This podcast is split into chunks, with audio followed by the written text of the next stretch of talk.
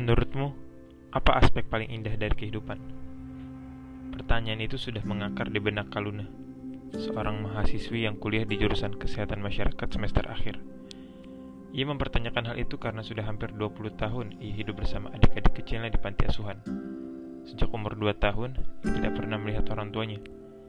Karenanya, ingatan tentang keduanya tidak pernah berbekas di hatinya. Yang ia tahu, orang tuanya hanya dua manusia pengecut yang tidak berani melawan dunia.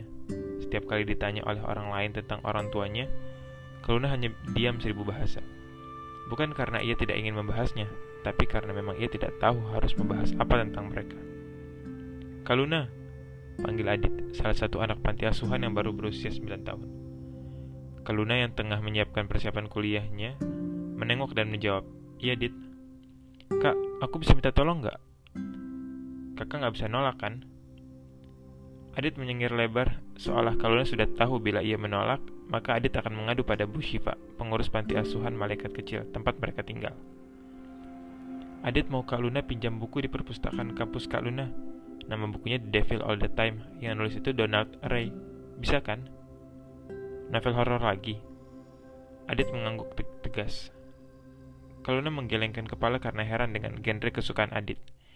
Ia sendiri tahu bahwa minat baca Adit memang tinggi. Namun ia tidak tahu bahwa anak itu sangat tergila-gila dengan novel horor seperti karya Stephen King atau Chandra Bintang. Iya, nanti kakak cari di perpustakaan kampus. Seketika Adit memeluk erat Kaluna, membenamkan wajahnya di perutnya.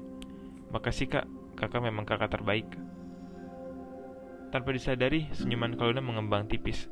Mungkin karena ini ia mampu mengerti bagaimana hidup yang ia jalani tidak terlalu menakutkan. Mungkin karena masih ada orang-orang yang menghargai keberadaannya menganggapnya sebagai manusia yang pantas dicintai. Kal Kaluna keluar rumah, meninggalkan wilayah kenyamanannya. Ia berjalan sambil mendengarkan lagu lewat headsetnya. Baginya, mendengarkan lagu adalah caranya membunuh bising dunia dan membantunya menciptakan ruang tersendiri di pikirannya.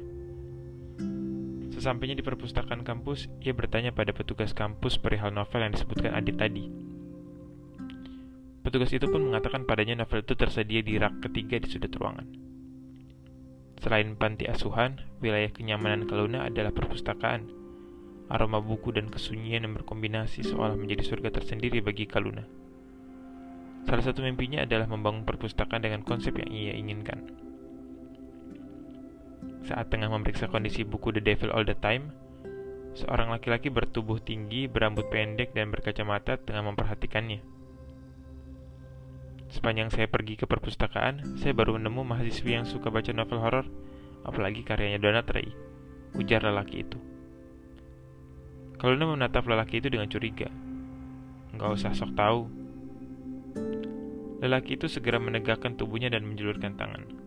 Nama saya Laut. Tanpa panjang lebar, Kaluna segera memasang wajah masam dan meninggalkan Laut. Dalam hatinya ia berkata, cowok aneh.